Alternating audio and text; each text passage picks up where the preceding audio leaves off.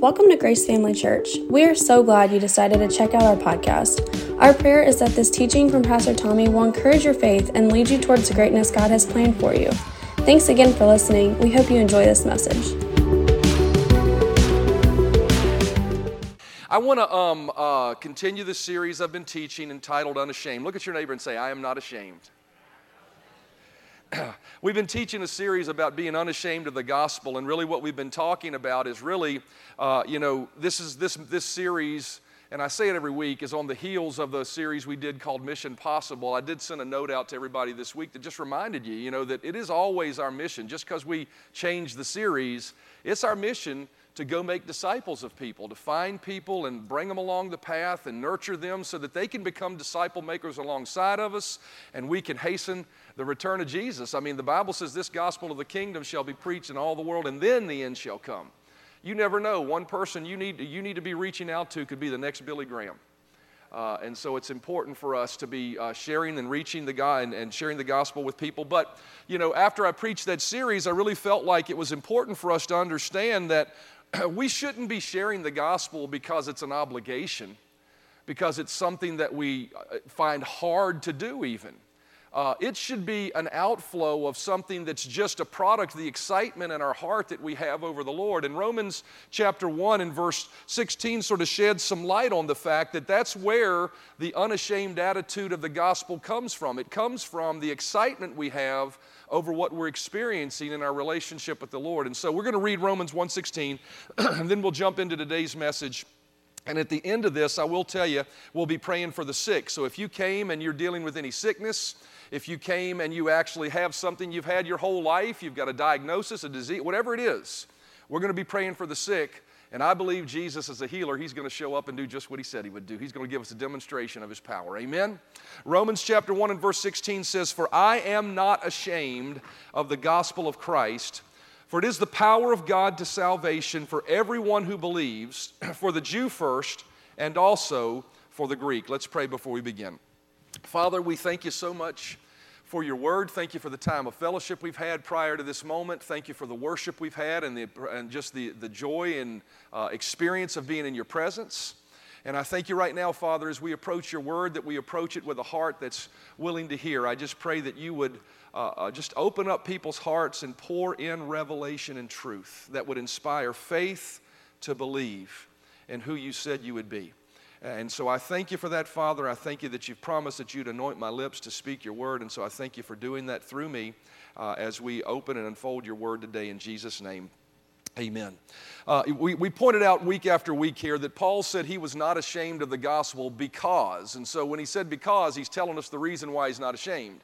He said, I'm not ashamed of the gospel because it's the power of God unto salvation. And we pointed out those two words, power. That first word is dunamis. He says, I'm not ashamed of the, the gospel of Christ because it's the power, it's the miracle working. That word dunamis is the word miracle working. It's the miracle working power of God unto salvation.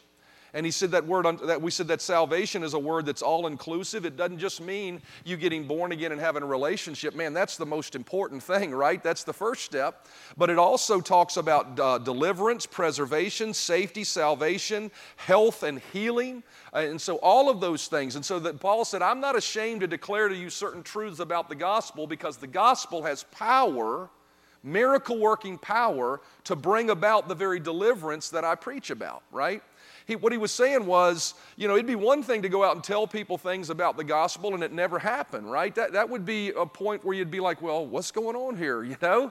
Right? But the truth is, Paul said, I'm not ashamed of it because when I preach it, there's power behind it and it delivers an experience for people. And so that's what Paul was saying is I'm not ashamed because the gospel, I believe, delivers results. How many really results are a good thing? Amen. 1 Corinthians chapter 2, verse 4 and 5. We read this one previously as well. It says this it's, He said, In my speech, Paul said, My speech and my preaching were not with persuasive words of human wisdom, but in demonstration of the Spirit and of power. That your faith should not stand in the wisdom of men, but in the power of God. Paul said that I'm not ashamed, and he said, you know, the reason why in this verse is because my preaching brought about a demonstration. That word demonstration means a showing forth or a manifestation. you know, um, and so he, he was, you know, if you think, if you encapsulate those two verses together, I believe what Paul was saying was, is I'm not ashamed about the gospel because I'm excited about it. I'm excited because it delivers results. And so, you know, it's the experience of the gospel that delivers the excitement of the gospel. I'm going to say that again because I want you to catch that. It's the experience of the gospel that delivers the excitement of the gospel. Now, the Word of God pr- always precedes the experience, but when the experience comes, it pr- produces in an individual excitement in their heart. And we see this in Psalm 126 and verse 1. Uh, it says here, it says, When the Lord brought back the captivity of Zion. So when these people came out of captivity, it says, We were like those who dream. We celebrated with laughter and joyful songs.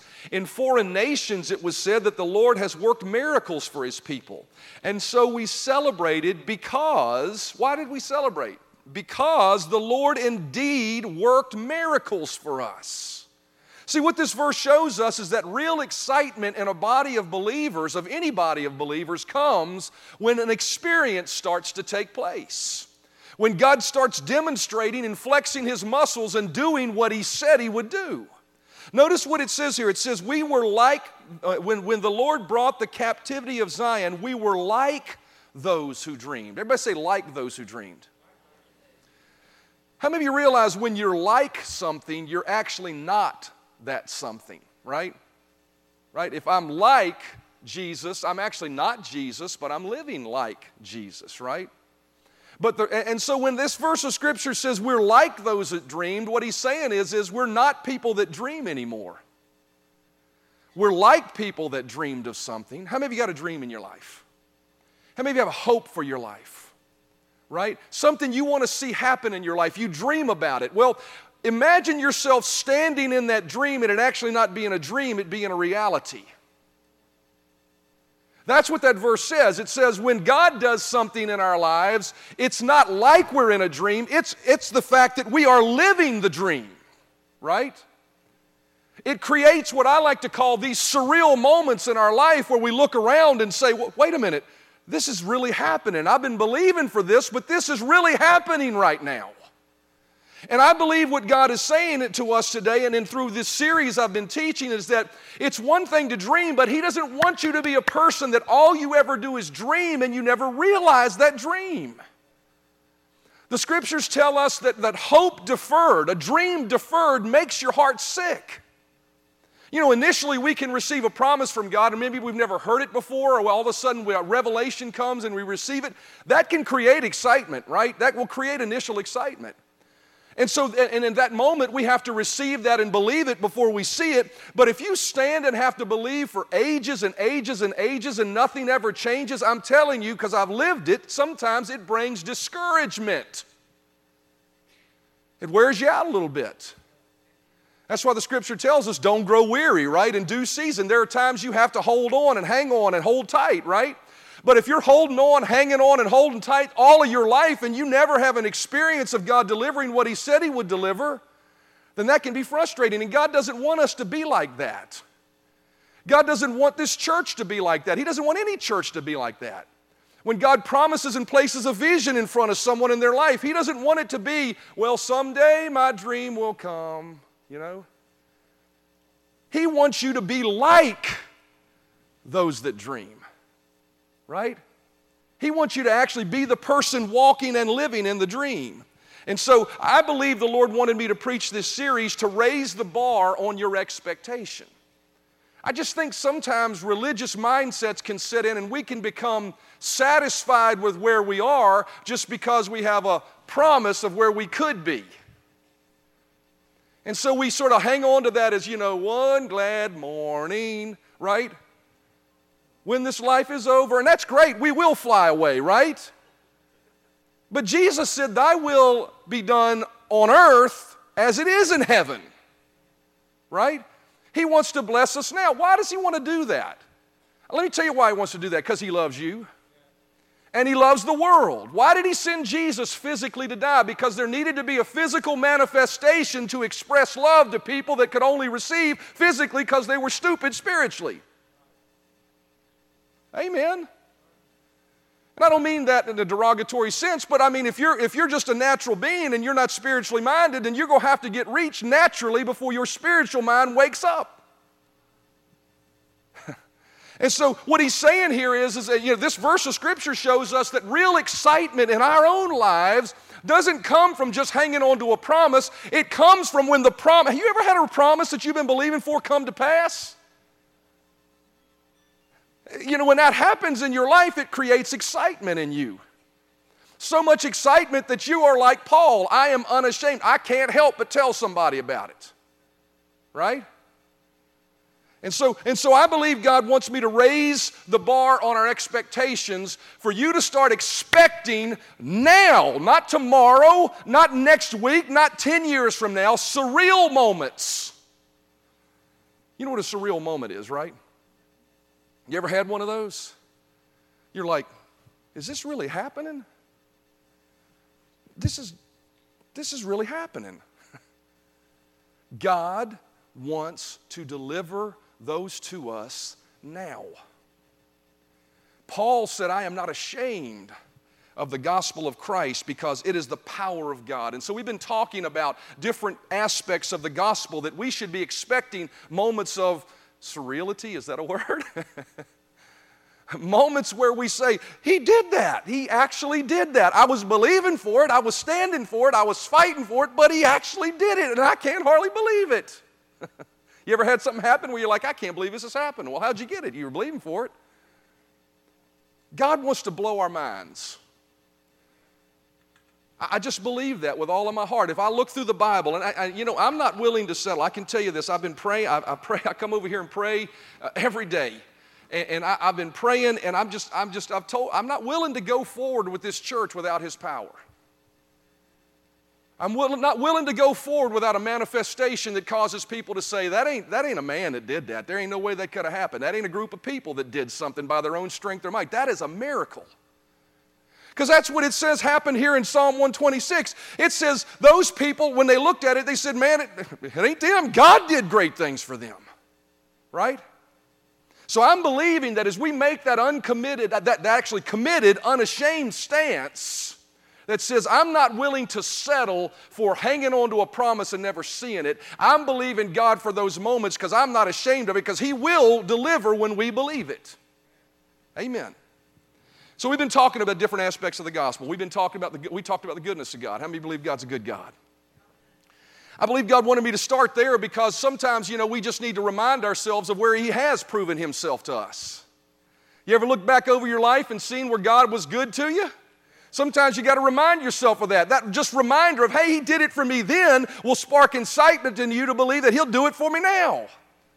We went a step further and didn't just talk about the goodness of God, but then we talked about the faithfulness of God. We looked at our lives and said, here are examples where He actually did what He said He would do. Why? So we continue to believe that He'll do what He said He would do. So that His faithfulness doesn't create stories just in our past, but it creates new stories in our future. I remember praying for people around faithfulness that week, and the, the phrase that kept going over in my heart was there are new stories to tell, there are new stories to tell, there are new stories to tell. God doesn't want to be a God of yesteryear through His faithfulness. He wants to prove His faithfulness in the present and the future. So you got a new story to tell, and you're not talking about something He did for you 20 years ago. You're talking about something He did for you in the present and 20 years ago. We Talked about the faithfulness, and then last week we talked about the prosperity of God, and we talked about the fact that God wants to bless you financially. He wants to make you rich. As soon as you say it, I hear the spiritual resistance in the realm of the spirit. God doesn't want you ha- uh, uh, greedy and miserly and let money have in you, but He wants you to be so stinking rich that you can write a million dollar check to pay off this building for this church.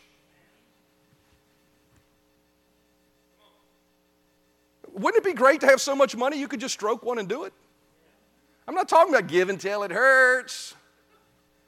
God wants to bless you like that. David was able to do it for the kingdom of God. It's, if you compared what he gave to build the temple of God to what he gave then to now, he gave literally over a billion dollars worth of gold, silver, and different things. Yeah, amen. Come on, let us know he's happy about it. He'll take it. Be like little children. We should be shouting about that, right? And so we prayed for people, and I will tell you, once again, I'll tell you, we had, we had one individual, like I said, just money just show up unexpectedly. Don't even know who gave it to him. Didn't come through the, just came in. God is in the business of doing that, right? Today I want to talk to you about the fact that I'm not ashamed of the gospel of healing. As we look at the sacrifice that Jesus paid for us, we see very clearly that healing from sickness was one of the things that Jesus came to give us. He came to make a way so that you don't have to be sick. Matter of fact, the divine uh, level of this is He didn't came, come to just heal you, He came for you to walk in divine health. I mean, you realize there's a difference in being healed and walking in health. Walking in health means you just walk above it. But you know, there are times, sometimes, where we fall short of that because of our unbelief or our stupidity. How many realize you can't go wearing your body down until it's just nothing but a nub left and expect that healing power of God? You got to use some wisdom. And sometimes we make mistakes and we get to the point where we're physically diminished. And in those moments, guess what we need? We need a touch from heaven. We need healing to happen in our life. And so I just want to encourage you that no matter whether you're dealing with a, a, sickness or whether you're dealing with a malady or a lifelong thing you've dealt with, I want to let you know today that God wants to give you a surreal moment where you look back at that moment and say, I no longer have this thing to deal with because Jesus is a healer. My physical problems I've been dealing with, I don't need to go see a specialist anymore about it because Jesus is the healer and He brought about the healing I needed. I'm unashamed to tell you today that He is a healer. Isaiah 53 and verse 4 and 5 clearly shows us this. It says in verse 4 Surely He hath borne our sicknesses and suffered our pain. And we considered him stricken, smitten of God, and cast down. But he was wounded for our rebellions, he was bruised for our iniquities. The chastisement of our peace was upon him, and by his stripes healing was provided for us. See, the redemptive work of Christ, just like He went to the cross and shed His blood to forgive our sins, He took a beating for us. He went to the whipping post and had stripes placed upon His back eh, eh, so that we could experience physical healing. And the same way you put your faith in Him for the forgiveness of your sins, if you'll put faith in Him for the healing of your body, He will manifest the same thing naturally that He did for you spiritually when you accepted the forgiveness of your sins. This is what Jesus paid the price for us to receive. And I will refuse as a pastor to diminish what my Savior died for with some watered down lie that God don't do that no more. I refuse to diminish the sacrifice He made for me to buy the lie that sometimes God is willing to heal and sometimes God isn't. If that's the case, and sometimes He's willing to forgive and save and sometimes He isn't. But the Bible says, Whosoever calls on the name of the Lord shall be saved. Sozo, healed, saved, preserved, whatever that word needs to mean in your life. And so, in the same way we receive forgiveness of our sins that, that are promised in this verse, we also receive the power of God to deliver us from sickness. Healing comes from hearing just the gospel that says He wants to heal you and believing it. We see that process in Romans chapter 10, verses 13 through 17. It says, For everyone who calls on the name of the Lord will be saved. How then can they call on the one that they have not believed in? And how can they believe in the one in whom they have not heard? And how can they hear without someone preaching to them? And how can anyone preach unless they are sent? Consequently, verse 17, faith comes from hearing the message, and the message is heard through the word about Christ. So, what that tells us is that faith rises in our heart to receive any promise of God from someone preaching the truth to us, and us making a conscious choice that in our heart we say, I see that and I believe that. And when we choose to believe that, that's what happens in our life. And if there's any question that that process would not be provided for physical healing of the body, Psalm 107 shuts that argument down for us. Psalm 107 and verse 20 says, He sent His word and healed them and delivered them from their destruction. See, God sends us the word about healing, and if we'll believe the word about healing, healing will come to us. That's why Jesus went about teaching and preaching prior to praying for the sick most of the time. Matthew chapter 9 and verse 35 says, And Jesus went about all the cities and villages, teaching in their synagogues and preaching the gospel of the kingdom. Well, what's the gospel of the kingdom? Well, I would tell you, if you look at the results of what it delivered, part of it had to be what they received, or they wouldn't have known to receive it. It says, and healing, he preached the gospel of the, of the kingdom, and healing every sickness and every disease among the people. So he preached the gospel, and part of that gospel had to be healing because they believed it according to what we see in Romans, right? It sparked faith in the heart. They believed it, and they received healing. And so, what I want to do for you today is just do just what Jesus did. I'm going to unashamedly tell you that God wants to heal you today. Not tomorrow, not next week. I want to challenge your faith this morning to rise up and believe that God will do the surreal in your life this morning. Whatever your physical problem is, that you'll walk out of here looking at your situation saying, I ain't dreaming about this no more. It happened. It happened. De- I want to do that to inspire you to demonstrate that just as Jesus, people were healed under Jesus' ministry, He will do the same today in this place, at this altar at Grace Family Church. So, how do we know that it's God's will for you to, to heal you today? Number one, we know it's God's will to heal you today because God declares Himself to be a healer and He doesn't change. Exodus chapter 15 and verse 26 says, the Lord speaking to the nation of Israel, For I am the Lord that healeth thee. Well, the Bible tells us if we've accepted Jesus, we're no longer a part of the Gentile nation. We've been grafted in and we're a seed of Abraham and we're just as much spiritually Jews as, as a natural Jew. Amen. We're actually all believers. It says there now there's neither Jew nor Greek or bond nor free, there's just one family, all the seed of Abraham. And he said to those people, as he says to us today, and as he declares to the world today, I am the Lord that heals you. One of the redemptive names of God, that, that, that phrase is Jehovah Rapha, the Lord that healeth. That's one of the redemptive names of, of, of our God, that He is a God that heals. He's not a God that makes, notice He doesn't say, I am the Lord that makes you sick sometimes. He says, I'm the Lord that heals you. He declared himself to be a healer in Exodus many, many years ago. And how many of you realize God is not Jehovah wishy washy? He is Jehovah Jireh, He's Jehovah Rapha, and He changes not. Malachi 3 6 says, For I am the Lord and I change not. If he was Jehovah Rapha then, he's Jehovah Rapha now. We know that it's the will of God to heal us because he's declared himself to be a healer and he hasn't changed. Second reason we know it's the will of God for us to heal is because Jesus also demonstrated the will of God as a healer and he hasn't changed. Acts chapter 10 and verse 38 says, God anointed Jesus of Nazareth with the Holy Spirit and with power, who went about doing good and healing all. Everybody say all. Healing all who were oppressed by the devil, for God was with him. Notice, first of all, where does sickness categorically come from? The devil. So nobody sitting here under the, or that listens to this podcast or hears this message should, if you think God's given you some sickness to bear for His glory, you are misinformed and you need to fix your thinking.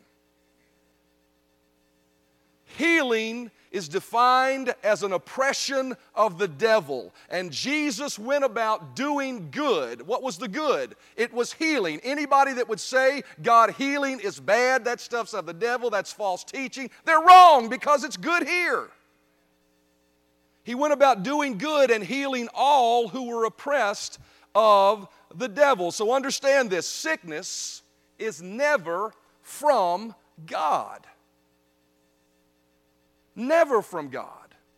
In the, in the age in which we live, since the time Jesus was crucified on the cross, sickness is never from God. It's never anything that He would pour in your life to try to teach you something.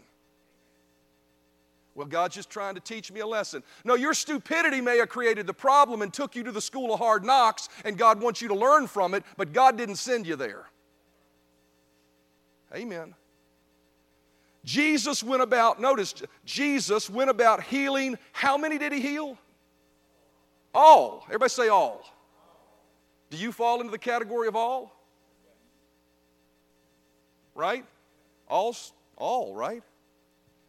Notice it again in Matthew chapter 4 and verse 23. And Jesus went about all Galilee, teaching in their synagogues and preaching the gospel of the kingdom and healing, how many? All manner of sickness, and how many? All manner of disease among the people. Jesus healed all. Do you qualify as all? Amen. And then go on reading to the very next verse. It wasn't just a one hit thing he did. Verse 24 says, And his fame went throughout Syria, and they brought him all sick people that were taken with divers diseases and torments, and those who were possessed with devils, and those who were a lunatic. Man, you got a crazy brother in law? Bring him. And those that were lunatic, what does that mean? People who've lost their mind. How many you realize God can restore a mad person? They don't have to be tucked away in an asylum somewhere for the rest of their life. Jesus delivered them. And those that were palsy, and He healed them. How many of them? It says He brought all of them, and He healed them. Mark chapter 9 and verse 35. I want you to see it again. And Jesus went about all the cities and villages, teaching in their synagogues, preaching the gospel of the kingdom, healing every sickness and every disease among the people. How many did he heal? Every, all.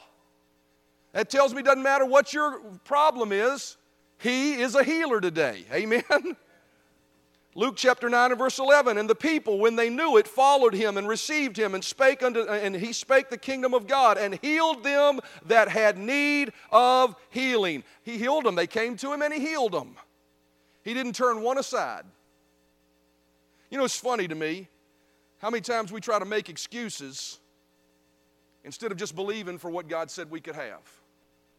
You can't find anywhere in the scripture and the book of Acts where anybody that came for healing, they were turned away, as, uh, that God didn't want to heal them. Amen. Every one of them were received and said, Come on, God's willing to heal you. Jesus is a healer. And the same Jesus that was a healer when in the book of Acts, the same Jesus that was a healer when he walked on the planet in the four gospels, he is the same today. Hebrews 13 and verse 8 says, Jesus Christ, the same yesterday and today and forever. If he healed every and all and any then, he'll heal every, all, and any this morning. He's a healer. Amen. If he was a healer during his time on earth, He's a healer today if we'll simply come with a believing heart that says, I believe you're my healer and I'm going to receive from you this morning. I'm going to walk out of here with a surreal moment. I'm going to walk out of here with my pain gone. Amen. Finally, we know it's the will of God to heal you today because Jesus desires to do so today through his disciples and through his church. James chapter 5, verses 14 through 15 says, Is any sick among you? Any. There's another all inclusive word. Do you qualify as any? Amen. Is any sick among you? Let him call for the elders of the church and let them pray over him, anointing him with oil in the name of the Lord. Notice this it's not the elder, it's not the anointing with oil. It says, And the prayer of faith shall save the sick. It's the believing heart that says, I receive this. I'm going to follow this process because I believe God will do what He said He would do. The prayer of faith will save the sick, and the Lord shall raise him up. If he had committed any sins, they shall be forgiven for him, of him. Notice, first of all, the Lord is the one that does the raising up, but he desires to do it through the church because we're commanded if you're sick, call for the church, and the church will pray for you, and the, and, and, and the prayer of faith will save the sick, and the Lord will raise you up. Amen. Now, notice it also says, and if they have committed any sins, they shall be forgiven him. I'm so grateful for the mercy of God. Aren't you glad God's merciful to you?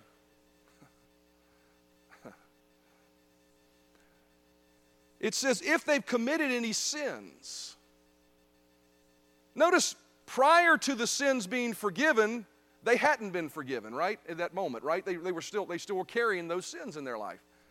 But he says the Lord will raise them up first, and if they have any sins, he'll forgive them.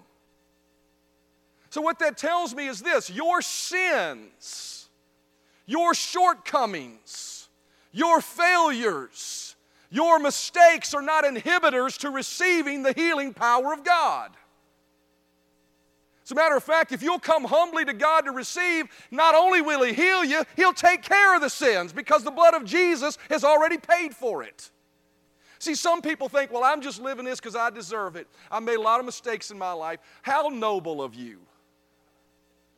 That's just stupid, stupid, prideful thinking to think that your mistakes are greater than the sacrifice of Jesus. Humble yourself and realize that your sins can't stop God from blessing you. See, that's because why? Because God's compassionate, He loves us. Notice Matthew chapter 14, verse 14. It says, When Jesus went out and saw a great multitude. Now, I want to stop right there for a moment. Everybody say, great multitude. How many believe that's probably more than sitting in this room? How many believe in a great multitude, maybe there was just one person that ran down Jerusalem Parkway getting to that meeting that got mad because somebody pulled their donkey in front of theirs.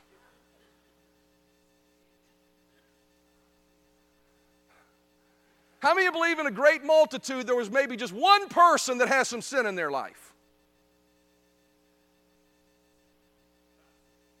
How about two? How about a lot? And when Jesus saw the multitudes, what? A lot of sinners. He didn't look at them and say, Well, you better get yourself right before I heal you. No, that's not what happened. It says he saw a great multitude and was moved with compassion for them and healed their sick. See, the compassion of God is always greater than your failure always greater than your sin. And if you'll just believe, see, why say, well, how come I? Because you don't believe in that compassion. But if you'll lay down your pride and say, God, I know you are so good, you are so merciful, and I thank you for that, so I receive what you have for me today. That's what happened with these people. He, they saw how much He loved them, and so He healed their sick. James chapter 5, verse 14 says, Is any sick among you? Let him call for the elders of the church and let him pray over them, anointing them with oil in the name of the Lord, and the prayer of faith will save the sick, and the Lord shall raise him up. The Lord shall raise him up. So we talked about God who never changes. We talked about Jesus who never changes. And we see that Jesus who never changes still wants to heal today. He just does it differently. He's not physically here, He's spiritually living here today inside of every believer that's in this place. And one of the methods, you know, there's many different methods. Matter of fact, if you study the scriptures, he's given us seven different ways we can receive healing as believers. I ought to teach on that at some point. This is just one of them call for the elders. But what we can see through calling from the elders and the fact that it says the Lord will raise them up is that the Lord will touch through us, through the church. He's provided a method for healing. Hmm. I'm going to say something. And I want you to understand something. Many people place more confidence in the doctor and the hospital than they do in calling for the church. There's nothing wrong with going to the doctor and the hospital.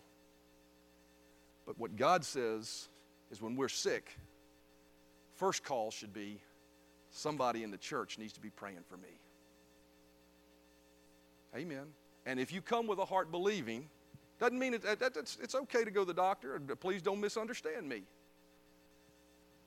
But we need to be putting our faith in the fact that Jesus never changes and He wants to raise people up through the process He said in His Word. Mark chapter 16, verse 17, we see another method, not just calling for the elders of the church, because it's not just reserved for the elders of the church to pray for people and see them be healed. It says in Mark chapter 16, verse 17, and these signs shall follow them that believe. How many of you believers in Jesus this morning? Raise your hand, make the devil mad, make Jesus glad if you're a believer.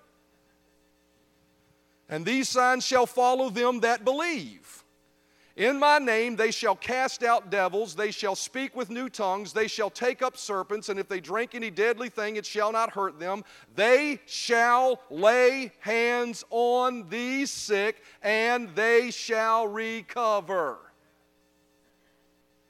Jesus the healer, that healed by the Sea of Galilee and all the other bodies of water that were in that region that same Jesus desires to heal today through believers who will simply lay hands on people in the name of Jesus. So, then after the Lord had spoken unto them, he was received up into heaven and sat on the right hand of God. And they went forth and preached everywhere. Would they preach? Same thing Jesus preached the unashamed gospel of Christ that He's a good God, He's a faithful God, He's a God wants to prosper you, He's a God wants to heal you. They went forth and preached everywhere, the Lord working with them, confirming the word with signs following. That word signs is demonstrations, outward expressions, right? Something you see with your eye. So the Lord, notice, notice what it says. Who did the healing there? Notice what, no, who, who confirmed the word? The Lord did, right? So all he said was, if you'll just believe and lay hands on the sick, and, and, and they'll believe that, that, that, that the power of God's flowing through you to do just what it said it would do, they'll believe the gospel, then the Lord himself will show up and provide the miracle. How does he do it? Well, he's seated at the right hand of God the Father, but we've been had the Holy Spirit shed abroad in our heart. And so by the power of the Holy Spirit and the anointing that comes with that, there is healing power made available when we place, place a demand on it. And so the Lord works with us. We do the preaching, we do the laying on hands, but He shows up by the power of the Holy Spirit to provide the touch from heaven through us to heal. Amen. Musicians, if you'll make your way forward, I just want to stress one thing. Matthew chapter 18 and verse 20 says this It says, Where two or three are gathered in my name, there I am I among them. Notice that verse of Scripture says, when we're gathered in His name, He is here. The same Jesus that healed the sick when He walked the earth. The same God that said, I am the Lord that healeth thee, and I change not. The same Jesus that is the same yesterday, today, and forever is here by the power of His Holy Spirit right now. And if we'll do what His Word says to do, we'll simply proclaim the unashamed gospel of healing, which I have done. If you'll open your heart and believe it, we can lay hands on you and you can receive it. God, I am not, in Romans 1.16 says, I am not ashamed of the gospel of Christ, for it is the power of God to produce salvation. I am unashamed to tell you today that if you will believe the truth, that when you come forward for hands to be laid upon you in the name of Jesus, according to what we just read, you can receive a demonstration of his healing. Amen. Psalm 103 in verse 2 and 3 says this It says, Bless the Lord, O my soul, and forget not all his benefits. All his benefits. Everybody say, All his benefits.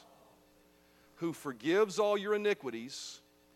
Number two, who heals all your diseases or sicknesses, as one translation says. Jesus is a healer. As I prepared this message, I hope I made it as simple as possible. I really felt like the Lord didn't want me to go into some great deep teaching about how we just, just proclaim the truth. I'm unashamed that Jesus is a healer. And if you are sick in your body, if you have something you've dealt with your whole life,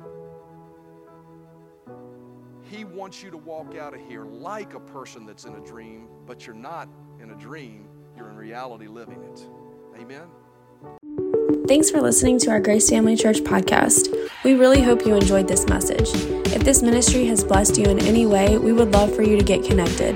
Just go to gfcva.info to learn more about who we are, how to give to this ministry, or how you can get involved. Thanks again for listening, and we hope to see you soon.